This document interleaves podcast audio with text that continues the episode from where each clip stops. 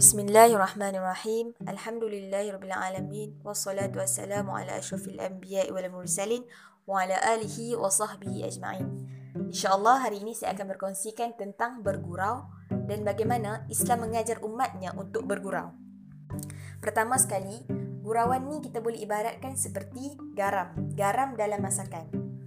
Sayyidina Ali pernah berkata, masukkan gurauan dalam kata-kata kamu seperti mana kamu masukkan garam di dalam masakan kamu. Maksudnya dekat sini, kita boleh bergurau tetapi jangan berlebihan. Imam Ghazali pula pernah berkata, banyak bergurau akan menyebabkan banyak ketawa dan banyak ketawa ni boleh mematikan hati dan boleh menghilangkan kemuliaan seseorang. Rasulullah pula bersabda, sesungguhnya aku suka bergurau senda dan aku tidak mengatakan selain yang benar. Rasulullah ni sebelum Rasulullah jadi rasul dan selepas Rasulullah menjadi rasul, Rasulullah sentiasa dalam uh, bercakap benar, sentiasa dalam kebenaran. Segala tingkah laku Rasulullah, diam Rasulullah dan percakapan Rasulullah adalah dalam keadaan benar. Dan segala itu dikira sebagai sunnah Rasulullah yang kita perlu ikuti sepanjang zaman.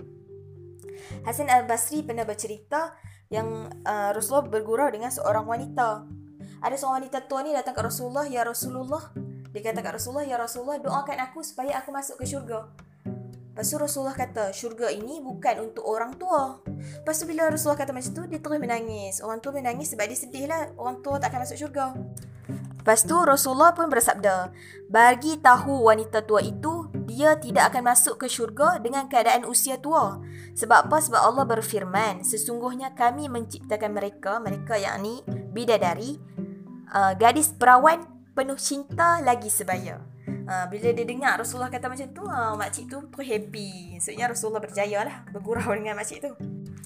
Uh, Rasulullah bergurau dengan orang tua dan ada juga Rasulullah bergurau dengan sahabat. Ada satu riwayat, ada seorang lelaki datang dekat Rasulullah untuk minta tunggangan. Ha, tunggangan sebab dia nak balik uh, negeri dia.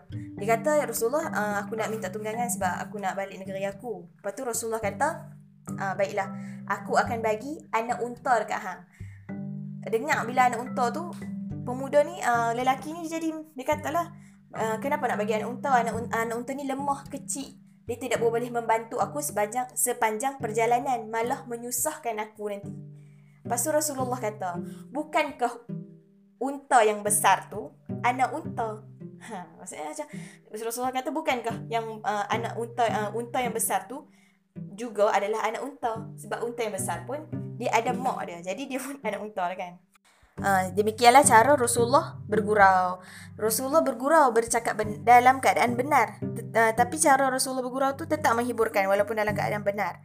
So kita tak bolehlah menggunakan istilah aku main-main je. Kita bergurau so kita kata aku main-main je. Alah tak betul pun. Alah melawak je. Ataupun kita bergurau dan lepas tu kita kata April Fool. Uh, sebab semua tu di dalam lingkungan dusta. Dan dusta ni tak boleh dibuat gurau. Sebab Rasulullah bersabda, celaka orang yang bercakap kemudian berbohong supaya manusia ketawa. Celakalah dia dan celakalah dia.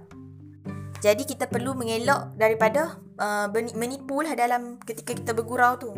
Dan yang terakhir, agama Islam menegah kita. Yang terakhir, agama Islam menegahkan kita untuk uh, jangan kita ni melawak di tempat uh, ataupun pada perkara yang serius. Sebab dalam Islam ada tiga perkara yang diang, uh, dianggap diambil hukum walaupun dalam keadaan melawak. Rasulullah bersabda tiga perkara yang diambil hukumnya sama ada dalam keadaan melawak ataupun serius. Contohnya nikah, uh, iaitu nikah, cerai dan membebaskan hamba. Baiklah, itulah cara bagaimana Rasulullah menunjuk etika. Nah, nak nak ber, bergurau pun kita ada etika. Jadi Rasulullah telah menunjukkan etika dan cara yang benar untuk kita bergurau. Semoga kita dapat contohi Rasulullah, yakni sunnah Rasulullah walaupun dalam bergurau. Assalamualaikum warahmatullahi wabarakatuh.